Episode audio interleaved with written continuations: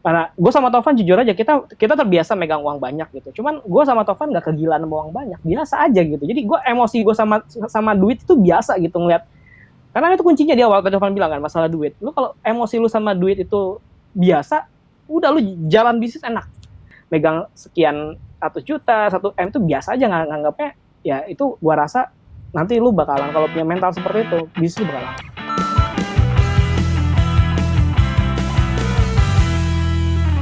podcast ngobrolin startup dan teknologi bareng gue Imbre. Hari ini di episode ini kita akan ngobrol bareng dua co-founder salah satu perusahaan namanya Nusantara Beta Studio uh, dan kita akan ngobrol bareng dua mas-mas yang keren ini tentang bagaimana suka duka dia menjalankan perusahaan, ngebangun bisnis dan suka duka dia juga sebagai co-founder. Dan kita akan langsung panggilkan aja mas-masnya. Nah, ini ada Mas Sidik dan Mas Taufan. Halo Mas Sidik, Mas Halo. Taufan. Halo, Halo, Sibre. kabar Uh, kabar baik, alhamdulillah. Makasih ya Mas sudah mau diajak ngobrol. ya sama-sama mas. Nah, sama jadi hari ini gue pengen ngobrolin tentang yang tadi gue sebut. Jadi tentang terutama tentang lu berdua dan bisnis yang lu lakukan berdua. Mungkin sejak Hmm. sekian tahun lamanya lah. Dan nanti gue pengen nanya juga naik turun sebagai founder, co-founder itu seperti apa. Dan sebelum ke sana, kalau boleh uh, perkenalkan diri dulu Mas sedikit-sedikit. Mas Sidik dulu kali ya. Ah, Oke, halo. Um, Mas Imre, terima kasih buat kesempatannya. Assalamualaikum warahmatullahi wabarakatuh. Waalaikumsalam. Uh, salam sejahtera untuk kita semua. Uh, salam kebajikan, salam budaya. Ya, uh, perkenalkan sama saya Sidi Permana. Uh, saya co-founder dan uh, Chief Innovation Officer di Nusantara Beta Studio. Singkatnya dipanggil NBS saja. Udah itu aja sih paling. Dan Google Developer Expert anyway. Oh iya iya. iya. Oke, thank you Mas. Mas Sidik nih kalau gue boleh uh, bilang gue uh, suka banget uh, mengingat-ingat ini. Jadi uh, terus terang kenapa alasan gue untuk jadi GDE itu adalah karena gue terinspirasi dari lo Mas. Jadi Wih. ingat gak sih waktu di Amerika dulu? Uh, gue Iya, pernah iya. ngejapri lo gara-gara lo lihat oh Mas Sidik lagi attend apa sih Google I.O. Ya? Dan kita ketemuan di ini ya, di apa Iya. namanya di itu itu main lopak atau apa sih kalau nggak salah? Ya di mana lah, gue juga lupa lah Iya. detailnya. Tapi di sana gue tanyain kan, Mas, apa sih uh, enaknya jadi GDE? Dijelasin sama Mas Sidik waktu itu. Dan ada itu sih yang jadi motivasi gue akhirnya, alhamdulillah di 2019 ya. Jadi GDE. Alhamdulillah. Mantap, Alhamdulillah. Mantap. Selalu setelah melalui proses yang panjang Mas Imre ya. iya, deg-degan juga ya waktu itu ya. Iya. Iya. Oke, ma- makasih Mas Sidik. Nah, sekarang uh, kita akan ngobrol, uh, minta Mas Tovan juga perkenalan.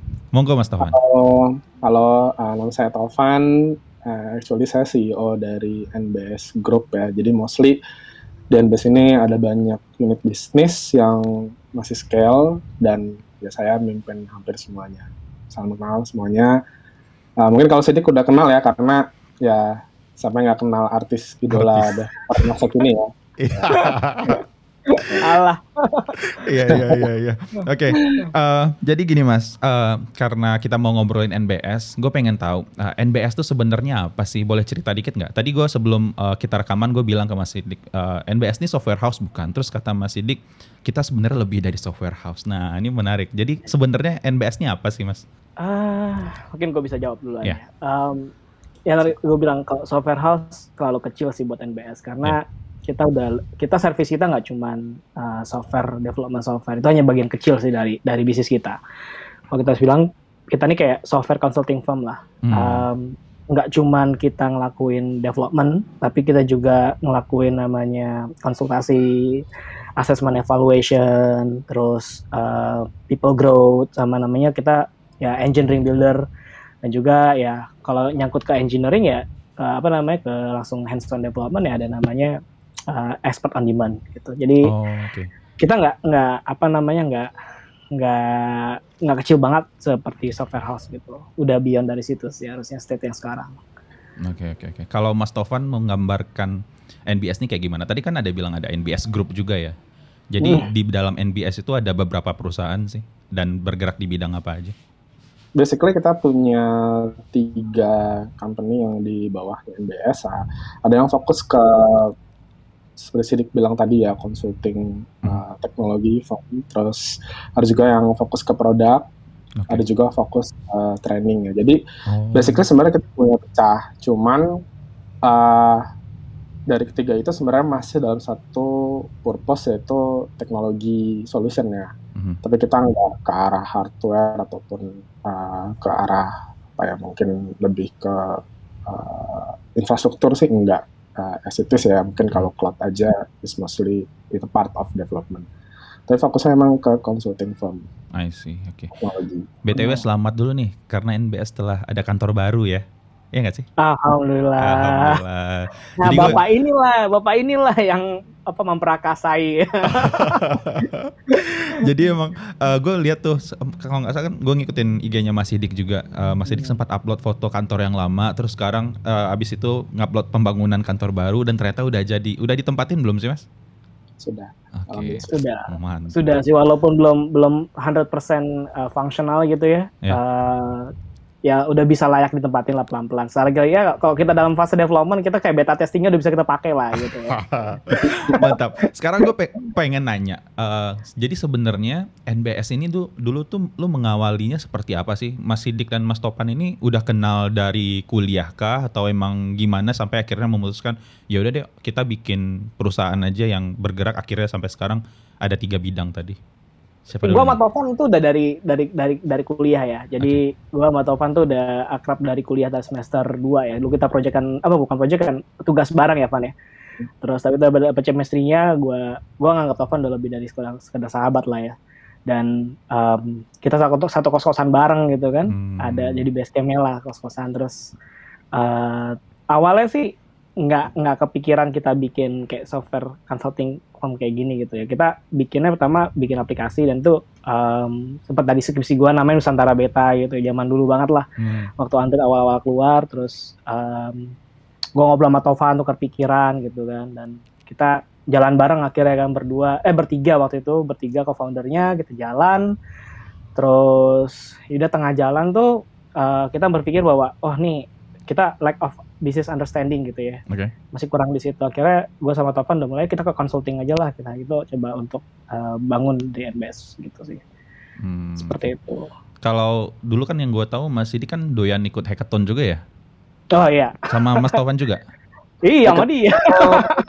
Salah satu cara untuk memvalidasi skill sebenarnya Oke. jadi uh, kalau di uh, entrepreneur tuh uh, ada satu part yang harus dilakuin sama semuanya sih, yaitu ngabisin jatah gagal. Jadi sebenarnya kalau lo mau bisa tahu skill lo sampai mana, ya lo habisin jatah gagal lo aja. Salah satunya ya ikut hackathon. Oh, oke. Ingat nggak berapa dan- kali sih lo dulu ikut hackathon? Eh, banyak sih mas Banyak, ya? Banyak. Kita- Itu selalu banyak kita- bareng timnya bareng Mas Tovan. Iya bareng sama Topan dan believe it or not kalau orang lain bikin perusahaan ya kan pasti ada cipin uang gitu ya. Udah Iya. cipin uang gue dapat share berapa gitu ya. Nah ini gue sama Topan belajar gila gitu sama co-founder gue itu satu lagi si Imam. Kita eh ya udah dari lomba ke lomba duitnya dikumpulin gitu ya. Terus Hmm. dapat reward dari kampus segala macam. Akhirnya ada ya 100 jutaan lah waktu itu gitu. Jadi kalau orang lain cipin duit kita enggak. Kita cuma modal nekat sama modal dengkul yang ngumpulin dari menang lomba gitu ya.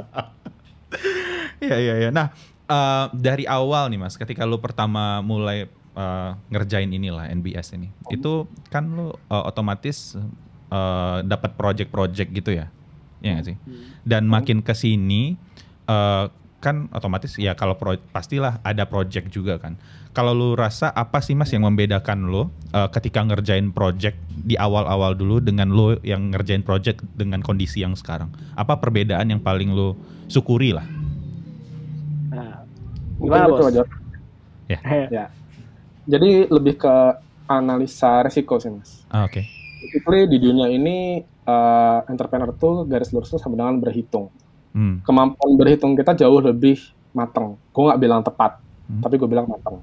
Karena ketika nerima project zaman dulu, perhitungan kita tuh tidak terstruktur. Hmm. Bukan cuma biaya, tapi resiko. Oke. Ada banyak hal yang harus dihitung jadi sebuah uh, apa result untuk menentukan price, harga, payment terms, nilai apa, skema kontraknya, kemudian uh, deliverable, UIT-nya segala macam. Dari situ ada berkah yang gue pelajari dari hasil gagal tadi ya, makanya tadi gue bilang. Uh, we start uh, zero investor, gue nggak disebut investment tapi investor, nggak ada. Jadi kita uh, learning by doing, pelajarin resiko-resiko tersebut. Karena basically sebenarnya value seorang entrepreneur itu bagus atau tidaknya itu dari dari menentukan perhitungannya. Hmm. Dalam dia yang gue syukurin perhitungan untuk menentukan satu project itu semakin ke sini semakin matang. Oh, oke. Ada banyak faktor yang mungkin nanti bisa gue share ya, tapi mostly yang paling gue syukurin adalah itu. Kalau cerita-cerita jeleknya, uh, klien kabur segala macam, itu udah being of part of uh, journey, ya. Journey lah. Iya. Ya, cuman ya tadi gue bilang uh, entrepreneur tuh harus uh, pandai berhitung. Ada banyak hal yang akan kita dihitung karena ya semuanya berhubung dengan ketidakpastian ya. Iya. Jadi kalau ada orang bilang quote-nya tuh uh, kita semua di sini kenapa banyak PNS di uh, di sosial media daftar bejibun segala macam semua mencari kepastian kan. Oke, ya ya ya. ya. Nah, kerja juga mencari kepastian, tapi kalau bagi kami kemampuan berhitung makin bagus ini adalah bisa mempersiapkan kepastian yang paling pasti, Hmm, Yaitu? Ketidakpastian. Jadi kepastian yang paling pasti di dunia ini adalah ketidakpastian dan kemampuan berhitung kita itu makin matang untuk menentukan ketidakpastian. Sebenarnya mostly itu yang paling gue syukurin. Mas udah berapa tahun sih Iya. NBS ini jalan? Kita udah berapa ya? Udah dari 2012. Udah hampir Eh, 10 tahun ya? Udah hampir 10 tahun tapi kita sebetulnya apa ya? Eh, ada ya sepanjang perjalanan kita ada dua kali restart, eh satu kali restart sih. Jadi eh, dari 12 2012 kita start gitu ya. Titik kita 2012 start, terus 2017 tuh kita restart gitu ya. Dengan dengan ya coba untuk lebih tadi Topan bilang eh, pengalaman dan journey itu yang yang nempak kita selama ini gitu sampai kita istiqomah sampai jalan saat ini gitu. Dan kalau tadi gue nyinggung pertanyaannya pertama mungkin yang patut gue syukurin selain gue punya co-founder Tovan gitu ya dan ada yang luar biasa banget lah. Gue jarang-jarang bisa narik dia nih untuk untuk ngobrol-ngobrol kayak gini Mas Imre. Oke. Biasanya dia behind the scene biasa orangnya gitu kan. Em, ya, gue punya co-founder yang luar biasa. eh, secara finansial risk manajemennya bagus gitu ya. Terus gue juga punya co-founder, ada shareholder lagi satu lagi. Em, apa namanya eh, Dimas yang operasional bagus, Sagaf teknisnya bagus, Dias yang teknisnya bagus dan apalagi gue punya punya advisor sekarang gitu kan. Em, timnya makin lengkap gitu kan. Ada Hmm. Mas Rendra di dalam situ dan punya punya sister group company juga ada ada Andrew sama Mhm. ada Denny di situ. Ya timnya yang gue sukai sekarang timnya udah udah solid gitu ya. Oke. Em, eh, komposisinya udah solid dan tim yang gue bangun sama Tovan eh, dan yang lain tuh udah udah udah bagus mendukung eh, bisnis ini gitu. I see, menarik.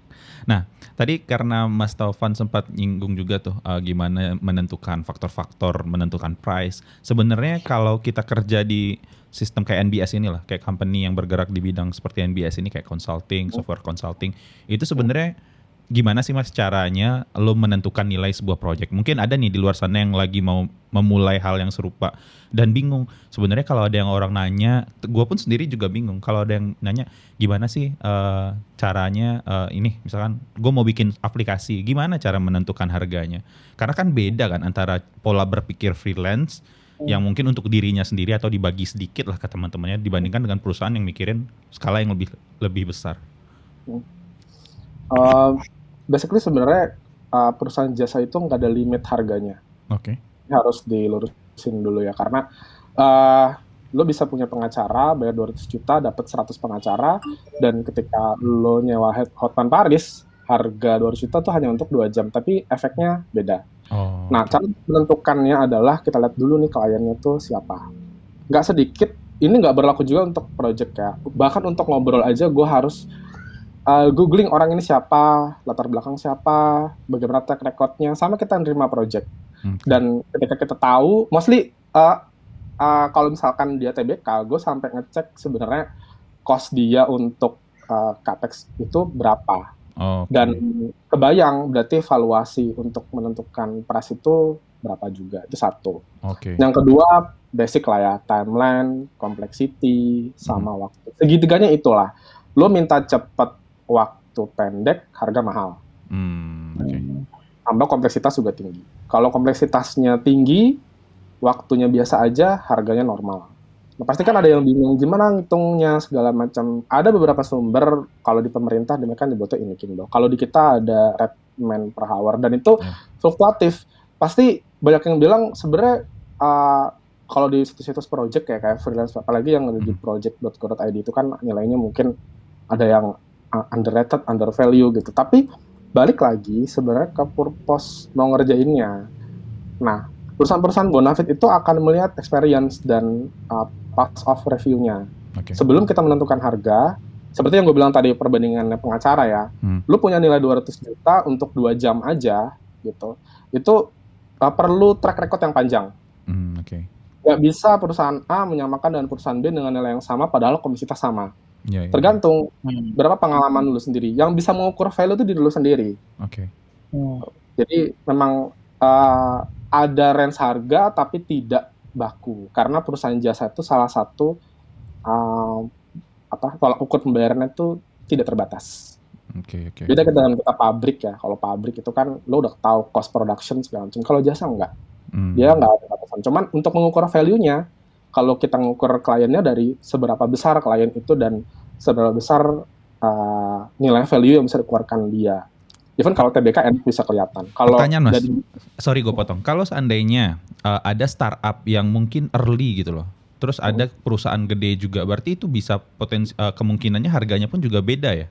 sangat jauh, Oh. bisa beda. Bisa Wal- beda. Apa pertanyaannya? Apakah misalkan dua-duanya pengen bikin aplikasi yang sama gitu? Beda. Oh. Beda. Beda. I see. Karena ada faktor resiko lagi. Uh, satu gue kasih clue sedikit. Kalau perusahaan besar itu dia akan mematuhi kontraknya. Oh, Karena in the long way mereka punya auditor dan ketika ada masalah dalam satu kontraknya mereka akan diisu untuk telusurin itu. Kalau government nggak perlu cerita lah ya. Kalau kita nggak dibayar, kalau kita nggak dibayar sama government, government yang kena masalah. Hmm. Nah. Startup beda. Startup ini punya faktor X yaitu resiko. Iya. Resiko tumbang di tengah jalan, resiko uh, hancur perusahaannya, even Iya, iya. foundernya pas segala macam. Jadi ada salah satu clue yang bisa dipakai yaitu payment terms-nya diperkecil. Oh, I see. Karena resiko itu balik tadi uh, pengalaman ini bisa dibentuk karena kemampuan berhitung dari lewati proses gagal yang udah sering kita alami. Ya. Iya, iya, iya. Jadi ak- ak- uh, akumulasinya adalah kita bisa menentukan perhitungan even dari profil kliennya dari awal. I see. Menarik, menarik. Uh, Mas Didik ada yang mau ditambahin? Um, ya sebetulnya kalau kita uh, di, di internal kita ada ada perhitungan khusus matriksnya sih. Iya, dan kita nggak bisa share itu jadi um, apa namanya pada dasarnya uh, kayak tadi Taufan bilang nggak jauh-jauh dari bagaimana kita ngukur resikonya dulu sih. Kita mau bekerja sama nih kan. Pasti kan kalau customer mau kerja sama sama kita pasti bakal ngukur resiko kita juga kan. Kerja sama main base gitu apa sih gitu kan. Jangan-jangan nggak benar segala macam. Kita juga Hmm. ngukur sebetulnya kerja sama sama ini resikonya seperti apa sih kalau misalkan um, uh, nggak make sense gitu ya kita nggak lanjut gitu karena Oke. uh, lebih baik udah fair di awal gitu kan bahwa uh, resikonya sama-sama nggak nggak nggak nggak dapat nih secara perhitungan I see. lebih ke lebih ke risk management sih itu kalau kayak gitu Iya, iya, iya. di luar kita berbicara tadi kompleksitas timeline segala macam Iya, iya, iya. gue tuh penasaran. Tadi eh, dari berbagai kegagalan, ada kegagalan nggak mas yang bisa lu share dan lesson learn yang lu dapatkan itu sebenarnya apa sih dari kegagalan satu aja kalau ada yang bisa? Mungkin ya bebas lah kalau boleh. yang mana depan aja depan yang ngomong pak Um, basically sebenarnya uh, pengusaha itu akan dekat sama namanya gagal ya. Iya. Jadi kalau gagal itu banyak banget tipenya mas. Kita salah satu yang uh, gagal itu mungkin misalkan satu project itu nggak dibayar. Oke. Misalkan. Ada pernah lesson learn seperti itu dan uh, lesson learn yang bisa diambil itu adalah bagaimana kita mendefinisikan kontrak. Nah, Hmm. ini mungkin related juga ke orang-orang yang memulai sebagai entrepreneur ya. Ini kan topiknya mungkin lebih ke uh, tandem foundernya ya. Jadi, lo bikin perusahaan teknologi, nggak cuma teknologi yang lo urusin. Oke. Lo bukan bikin aplikasi, tapi bikin company. Oke. Nah, salah satu hal yang pernah gagal adalah di sisi legal. Jadi, Hmm. bagaimana kontrak itu harus dipelajari, didefinisikan dengan rapih. Kita pernah kok uh, ada satu case kita nggak dibayar dan orangnya tuh uh, kabur atau ya failed lah, projectnya failed gitu ya. Iya. Uh, startupnya tumbang segala macam, bla bla bla segala macam. Dari situ sebenarnya kita bisa tahu bahwa uh, startup ini dekat dengan uh, gagal Oke. ataupun tumbang lah ya kasarnya. Maka dari itu resikonya uh, di sisi pekerjaan juga ada, yaitu ketidakmampuan mereka meng, apa ya, mendefinisikan kebutuhan dibarengi dengan solusi di lapangan. Hmm. Karena banyak startup juga yang sebenarnya operasional belum jalan tapi mau going digital. Itu yang selalu gue tekenin banget kalau mau start ya project. Gue tanya SOP di lapangan kayak gimana? Hmm. Yang sekarang udah jalan. Oh kayak gini, itu baru kita transfer supaya lebih cepat, lebih efektif, lebih bagus. Tapi banyak yang digital duluan baru konvensionalnya. Nah, Oke. itu yang kita pelajarin. Jadi eh, gagal yang pertama yang paling bisa gue share adalah ketika lo menerima kerjaan itu perhatikan juga profilingnya. Ya, ya, ya, ya. Profiling itu yang pertama. Yang kedua, eh, tipikal dari klien itu beda-beda. Kalau di startup mereka fast moving grow, jadi pengen cepat-cepat, tapi identik sama kesalahan requirement atau ketidakmampuan mereka mendefinisikan requirement karena Kebutuhannya. operasional sama operasionalnya belum valid, tapi mereka mau going digital. Itu itu hal yang sangat sering terjadi. Jadi Oke. kita harus gather mindsetnya dan balik lagi nih ya mungkin banyak orang bilang software house atau apa sebenarnya Eh, kita kan orang yang sering bikin aplikasi Mhm. dan udah ratusan kali mungkin udah berapa ratus kali lah ya harusnya tahu in the good way-nya tuh kayak gimana apa faktor yang gagal apa faktor yang berhasil gue selalu bilang sama klien bro lo kalau ngikutin gue caranya kayak gini gue Hmm. punya faktor suksesnya ini yang udah berhasil kalau yang gagal kayak gini lo pilih mana gue hanya memberikan pilihan sampai gue bisa ngomong kayak gitu karena udah punya banyak case file-nya Ya, ya, ya, ya, ya, kayak ya. gitu Iya. sih tulisan Iya, dan- ya. Iya, ya, gue kalau nambahin legal emang penting banget karena emang uh, kita bahkan dulu uh, setelah kejadian ada legal yang bermasalah gitu ya, kita konsul, jadi kita punya kayak ada kita punya konsultan juga, jadi kita konsultan punya konsultan gitu ya. Iya, iya, iya. Jadi kita punya konsultan legal anyway. Jadi uh, um, jadi setiap ada kontrak segala macam karena kita bener-bener masih awam ya, uh, ya kita memposisikan bener-bener pengen tahu.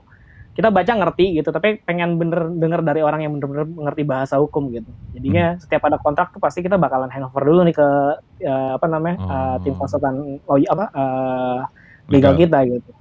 Dari situ nanti baru uh, gue sama Tovan paham seperti apa, actionnya seperti apa, pasal-pasal mananya. Jadi di bener-bener diperhatiin sih.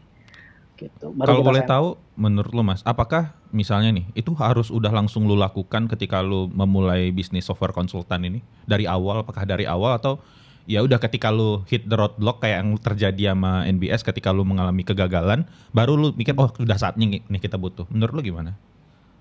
Kalau gue sih mikir kan udah belajar dari apa yang gue sampaikan sama Tovan ya. At least you know lah, udah banyak juga kan apa namanya eh, firma-firma online hukum gitu ya. Ah.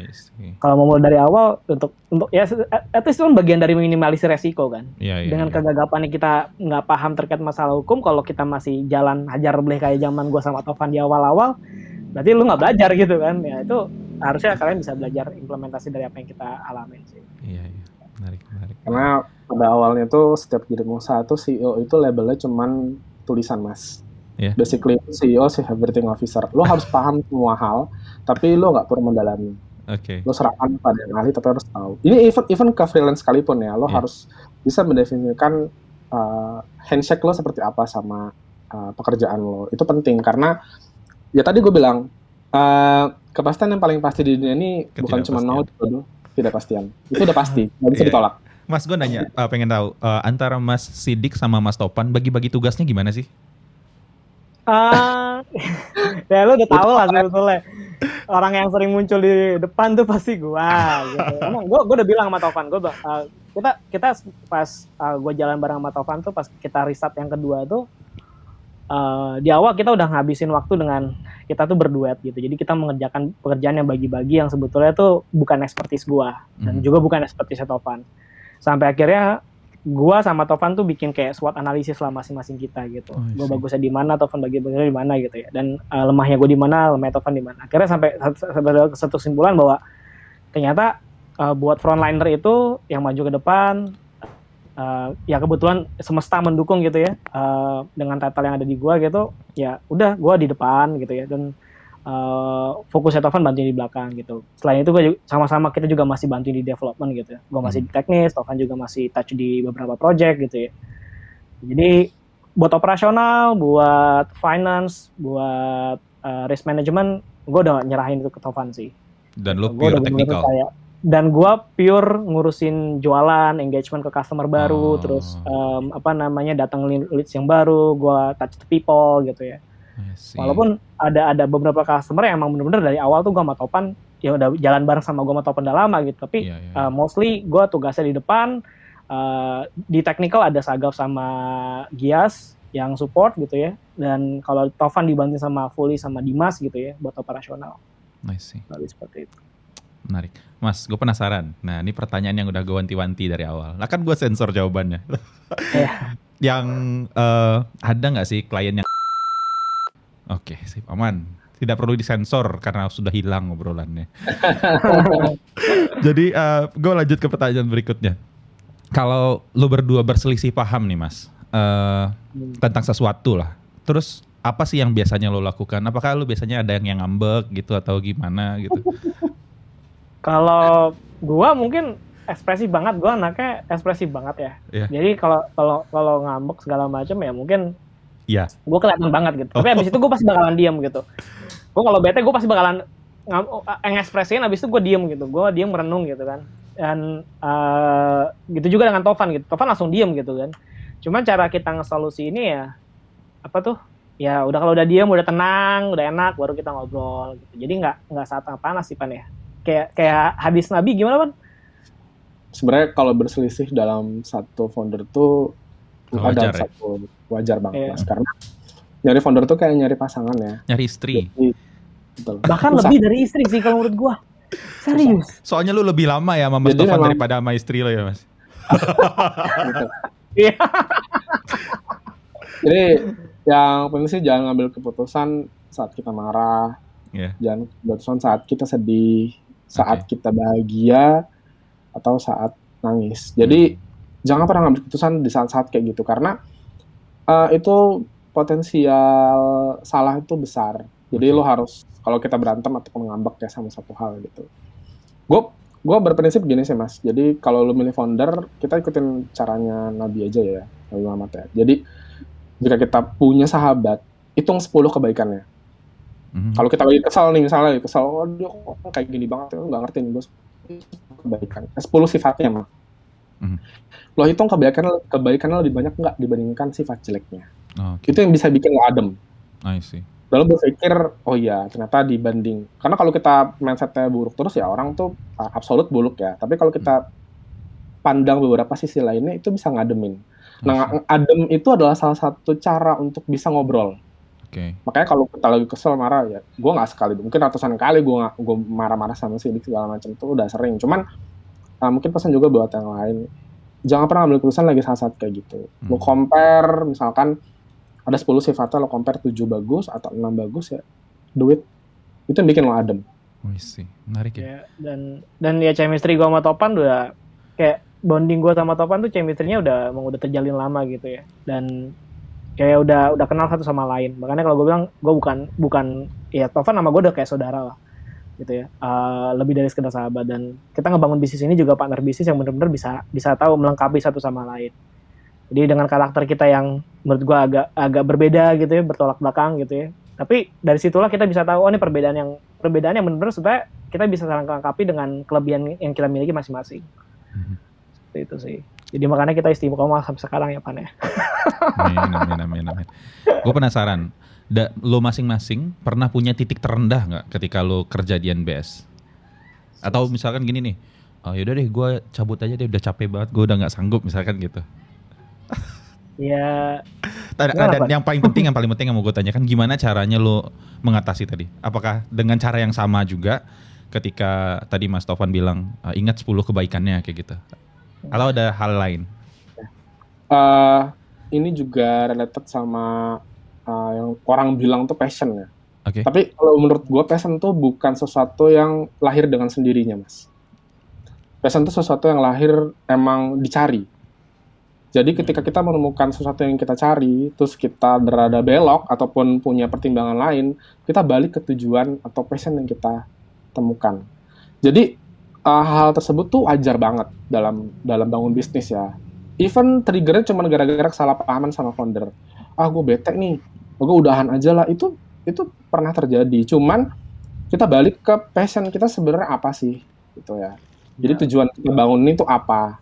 Kalau kita tujuannya masih uh, kuat karena kalau dalam dalam fase-fase bisnis itu ada tiga yang pertama tuh uh, fase-fase survive dan itu masih memvalidasi bisnis yang kedua dari fase-fase scaling dan sustain Hmm. nah fase-fase scaling ini itu sering terjadi uh, pertikaian mas Hmm. gue sama sekali ada di fase ini dan sangat-sangat uh, sering terjadi hal yang perlu dilakukan adalah coba lo remind kembali tujuan lo apa Oke.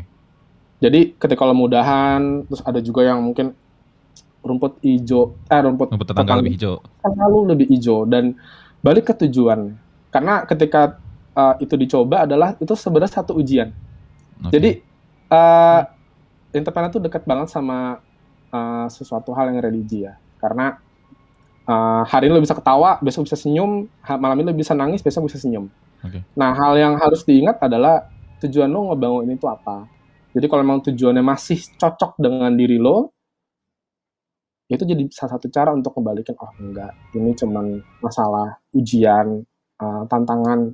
Itu sih mas kalau misalnya ada titik di mana kita tuh mau udahan segala macam kita balikin ke tujuan kita aja Oke oke oke. Ya, Kalau du- Mas Sidik gimana? 2000, 2000, 2017 ini gua kalau relatif ke Tovan ya. 2017 tuh kita hampir ada di titik paling rendah dalam hidupnya NBS gitu di 2017, 2016 2017 lah.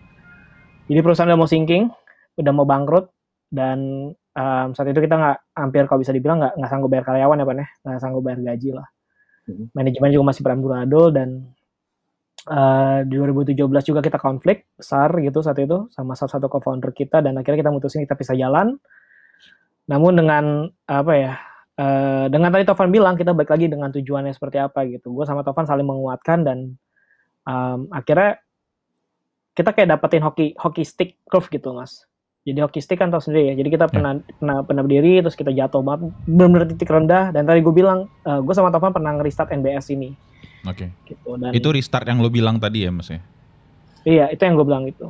Oke oke oke. oke. mungkin nambahin dikit ya jadi uh, uh, dunia entrepreneur ini kayak uh, ayunan ya mungkin bisa dibilang Hmm. atau turun naik tanjakan yang kalau di Padang mungkin lo bilang kelok 9 ya nah itu sama mas jadi semua orang punya garis finish dan start yang berbeda-beda lu nggak akan bisa bisa compare diri lu sama orang lain gitu. jadi yang bisa lo lakuin hanya apa yang dikirim sama Tuhan atau apa yang dikirim sama Allah ke lu Ya. saat 2016 itu itu titik terendah juga bagi kita tapi gue gali terus gali terus apa ini sebenarnya yang masuk Allah tuh apa gitu. karena uh, kita harus punya insting kayak gitu nah makanya mungkin bisa juga diaplikatifin sama yang lain sebenarnya selama tujuan kita masih relevan lanjutin aja karena kalau I see. eng- udah nggak relevan terus partner juga udah uh, bermasalah terutama masalah kepercayaan ya nah itu amanah sih kalau gue ngukur amanah itu sebenarnya paling simpel dari uang mas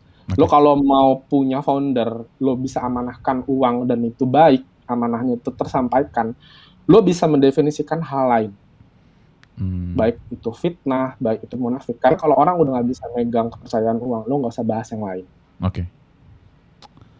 lo nggak perlu divan yang lain pasti belakangnya berantakan semua Ya, ya, ya, ya, ya. Luar biasa. Gue eh, tercerahkan banget loh sore ini loh. tercerahkan banget. Nah, gue punya eh, dua pertanyaan terakhir sebenarnya. Eh, mungkin singkat-singkat aja mas. Eh, untuk Mas Hmm. Sidik sama Mas Topan. Eh, visi lo berdua itu membangun NBS ini ke depannya pengen kayak gimana sih? Apa berikutnya yang pengen lo lakukan? Iya sebetulnya kalau kita visinya mau ke mana sih sebetulnya NBS kita jadi holding company pertama terus yang kedua jelas nanti Tovan bisa jabarin seperti apa holding company seperti apa yang kedua eh, kita pengen lah kayak seperti kayak BCG Big Four lah ya Mhm. Ernst Young gitu dan kalau kita sekarang kita selalu look up ke si siapa si Thoughtworks Pivato Labs gitu-gitu sih Mhm. jadi em, kan lu pasti nggak pernah ngeliat dong kayak Thoughtworks jualan software house itu kan nggak mungkin kan Iya, iya, iya. iya. kita ya kita direct, direction kita ke arah sana sih I see. Oke. Mas Topan gimana Mas Topan? Ya sebenarnya mimpi ya? kita bisnis ini bisa diteruskan mas Itu aja ya. Ya.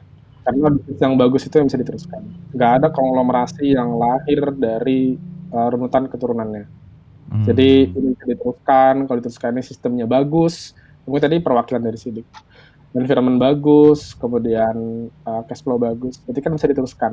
Iya, Terus kan iya. bukan berarti sama anak gua ya, tapi diteruskan sama siapa pun yang bisa melanjutkan ini ya. Mudah-mudahan Satu selalu lagi, satu lagi yang Ya, terakhir, mong- satu monggo, lagi monggo. terakhir. Harus seperti apa? Bisnisnya harus berkah. Hmm. Balik lagi ya ke yang tadi ya. iya ya. Iya bos. iya iya. Karena kalau seandainya kita cuma mikirin satu hal doang ya bisa jadi kita melupakan hal-hal yang sebenarnya malah eh, penting dan malah jadinya nanti malah menutup pintu-pintu rezeki yang lain. Luar Betul. biasa. Gue tercerahkan banget sore ini. Asli asli. Terakhir nih Mas. sekali. Eh, Kalau lo bisa share sedikit eh, saran, saran terbaik lo lah untuk yang masih mungkin masih di bangku kuliah atau masih di fase awal pengen bikin bisnis seperti apa yang udah lo lakukan ini, apa sih yang bisa lo sampaikan? Sidik duluan mungkin. Enggak, lo Ipan, lo Ipan, silakan.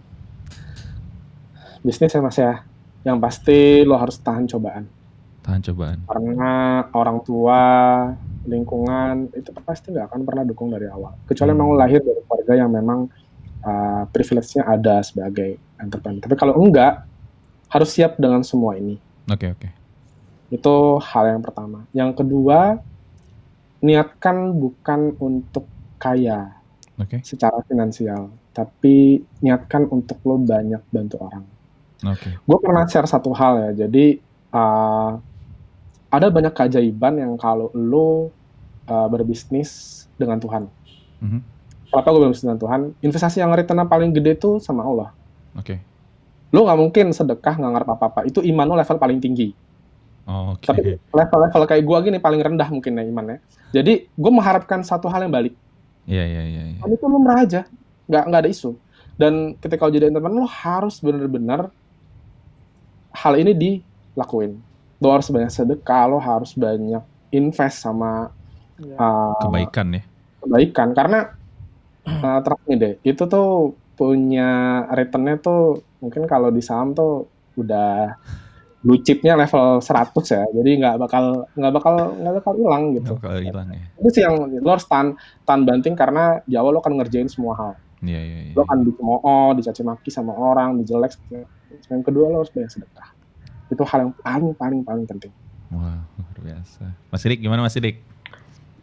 Ya, kalau gue nambahin sama Tovan ya, kalau terkait masalah tadi, kan balik lagi gue sama Tovan kan tujuannya salah satunya dari visi kita adalah ngebangun bisnis yang berkah ya. Berkah Hmm. itu kan gak cuma buat kita sebagai yang running bisnisnya, tapi juga berkah buat orang semua gitu, apalagi yang percaya sama NBS. Dari tim kita, keluarganya, gitu, orang tua kita, segala macam lah yang percaya sama NBS. Karena kan kita nggak hanya menanggung perut kita berdua gitu, tapi kan kita menanggung perut banyak orang gitu ya. Dan menghadirkan keberkahan itu tadi yang mau Tovan sampaikan, bahwa ya berbisnis sama Tuhan gitu ya. Dan sampai saat ini alhamdulillah ya kalau bisa berbicara ini bukan ria segala macam. Uh, gue sama uh, gua Tovan dan NBS itu punya anak yatim yang kita selalu bina gitu ya. Jadi jadi kita pengen bener-bener bahkan pengen punya anak yatim lebih banyak lagi tiap tahunnya Oh. gitu. karena setiap setiap setiap apa pun yang NBS kedapatkan gitu ya misalnya kita chief target chief uh, apa namanya uh, pendapatan gitu ya per tahun ada hak orang lain di situ Iya. ada hak ada ada hak ada hak uh, orang-orang yang benar-benar butuh butuh uh, butuh sedekah sedekah dari kita gitu ya yang kita balikin lagi ke komunitas balikin lagi ke orang-orang yang membutuhkan dan kalau emang lu mau milih jalan ini gitu ya bahwa, percayalah bahwa entrepreneur itu bukan untuk semua orang anyway Hmm.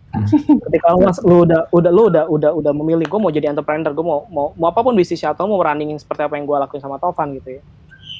Itu harus benar-benar milikin itu gitu. Lo harus, harus terima semua konsekuensinya harus terima terima jelek baiknya lo terima. Lo harus benar-benar harus harus harus kuat mental lo harus benar-benar persisten harus benar-benar istiqomah apa pun itu cobaan yang lo hadapin pasti lo selalu percaya bahwa setiap gue dihadapin sama cobaan yang diberikan sama Tuhan yang gue alami sekarang kegagalan itu pasti akan ada hal baik yang gue dapatkan nanti gitu ya. Dan itu tinggal nunggu waktunya tergantung lu mau memotiv- memotivasi diri lu seperti apa. Dan beruntungnya gue dapat founder gue dapat lingkungan yang menurut gue itu rezeki yang menurut gue rezeki yang paling paling enak adalah gue mendapatkan teman-teman dan partner bisnis yang satu frekuensi. Iya iya iya. karena gue sama Tovan jujur aja kita kita terbiasa megang uang banyak gitu. Cuman gue sama Tovan nggak kegilaan sama uang banyak biasa aja gitu. Jadi gue emosi gue sama sama duit itu biasa gitu ngeliat karena itu kuncinya di awal tadi Tovan bilang kan masalah duit. Lu kalau emosi lu sama duit itu biasa udah lu jalan bisnis enak. Tapi kalau lu punya berlebihan secara emosi sama bisnis bukan obsesi untuk memanage oh memanage uangnya ya tapi lebih berbicara masalah lu bersikap biasa sama bisnis emosi lu bisa udah biasa aja lah sama lu. Megang megang sekian satu juta satu m itu biasa aja nggak nganggapnya ya itu gua rasa nanti lu bakalan kalau punya mental seperti itu bisnis lu bakal langka gue gue merinding loh beneran loh satu hal sih sebenarnya yang harus dijauhin dari seorang entrepreneur pada masa awal ya mas. Iya. Mungkin kalimatnya agak sedikit kontroversial, Aha. tapi gue nyebut oh, oke dulu pengen kelihatan hebat, lo entrepreneur, gak ada entrepreneur yang Sabtu Minggu nggak kerja di awal-awal. Iya iya iya. Kerja lo bisa 18 jam, 20 jam, mungkin mungkin 21 jam sehari ya. Iya. Ya lo harus siap sama kayak gitu. Kalau nggak siap, ya mungkin nggak semua cocok jadi entrepreneur. Jadi jangan maksain juga, oh gue harus jargon-jargon quote-quote motivator itu lo ikutin, nggak nggak harus. Iya iya. Nggak harus. Jadi ada juga yang ngambil jalan menjadi uh, employee juga bagus, nggak apa-apa selama dia bermanfaatkan. Tapi jalan ini tuh penuh dengan ketidakpastian. Iya. Jadi ya yang pertama jangan ejek kalau sukses. Lo nggak perlu banyak tampil, banyak gaya, tetentengan. Tapi cash flow is king. Iya iya iya iya. iya. Lo mau Cash flow ngomong apa pun, cash flow is king. Lo mau flow nyela-nyela tukang bakso yang dari tahun bertahun dia jualan gitu-gitu aja, tapi selama dia masih bisa hidup, berarti cash flow-nya jalan. Cash flow is Hmm. king. Lo nggak perlu nge- ah lo kerjaan lo, uh, perusahaan lo gitu dong sekarang. Cash flow is king. Iya, mau ngomong iya. apa pun, selama lo punya cash flow, perusahaan lo hidup. luar biasa. dan dan dan manajemen cash flow itulah yang bakalan menjadi pembeda lu di tengah Wah, posisi kalau kita ceritain bisa panjang Panjang, nih ya, durasi. panjang. Nanti nanti mudah-mudahan inilah kalau selesai pandemi atau mungkin kalau pandemi kelamaan ntar kita ngobrol-ngobrol lagi lah. Part Ya, main di kantor kita ya, main di Iya. kantor main di kantor kita ya bos ya. Siap, siap, siap, siap. Oke, eh, thank you banget Mas. Gue terus terang merinding loh ngobrol sama kalian Iya. berdua loh, Eh, luar biasa. Eh, banyak banget eh, ilmu yang gue dapat sore ini. Eh, mungkin tadi ada yang beberapa yang disensor, tapi ya mohon maaf aja buat yang nonton. Mungkin belum rezeki kalian kali ya. Eh, Jadi eh, itu aja. Terima kasih Mas Sidik, Mas Taufan udah mau diajak ngobrol minggu sore. Terima kasih kembali Mas Imre. Mudah-mudahan semuanya eh, lancar, eh, semakin berkah, semakin besar NBS dan mudah-mudahan bermanfaat juga untuk orang-orang di luar sana yang eh, dengerin episode ini. Dan itu aja, gue closing dulu sebentar. Terima kasih semuanya. Mudah-mudahan bermanfaat dan kalau seperti biasa kalau kalian punya masukan siapa yang mau kita ajak ngobrol berikutnya, eh, tinggalin aja komen atau mention gue di Twitter di @imrenagi. Eh, Mas Sidik, kalau ada yang mau nanya-nanya atau Mas Tovan biasanya boleh dihubungi via apa nih? Email boleh Website Mas Sidik. website kantor apa sih website kantor? Eh, nbs.co.id. nbs.co.id. Kalau ada yang mau uh, punya project-project atau mau konsultasi, silahkan langsung ke NBS. Siap. Mudah-mudahan ada nih ya pendengar gue. Amin. Langsung langsung. Oke, Amin. a- amin amin. Oke, terima kasih semuanya. Sampai ketemu lagi di episode berikutnya. Assalamualaikum warahmatullahi wabarakatuh. Waalaikumsalam. warahmatullahi wabarakatuh.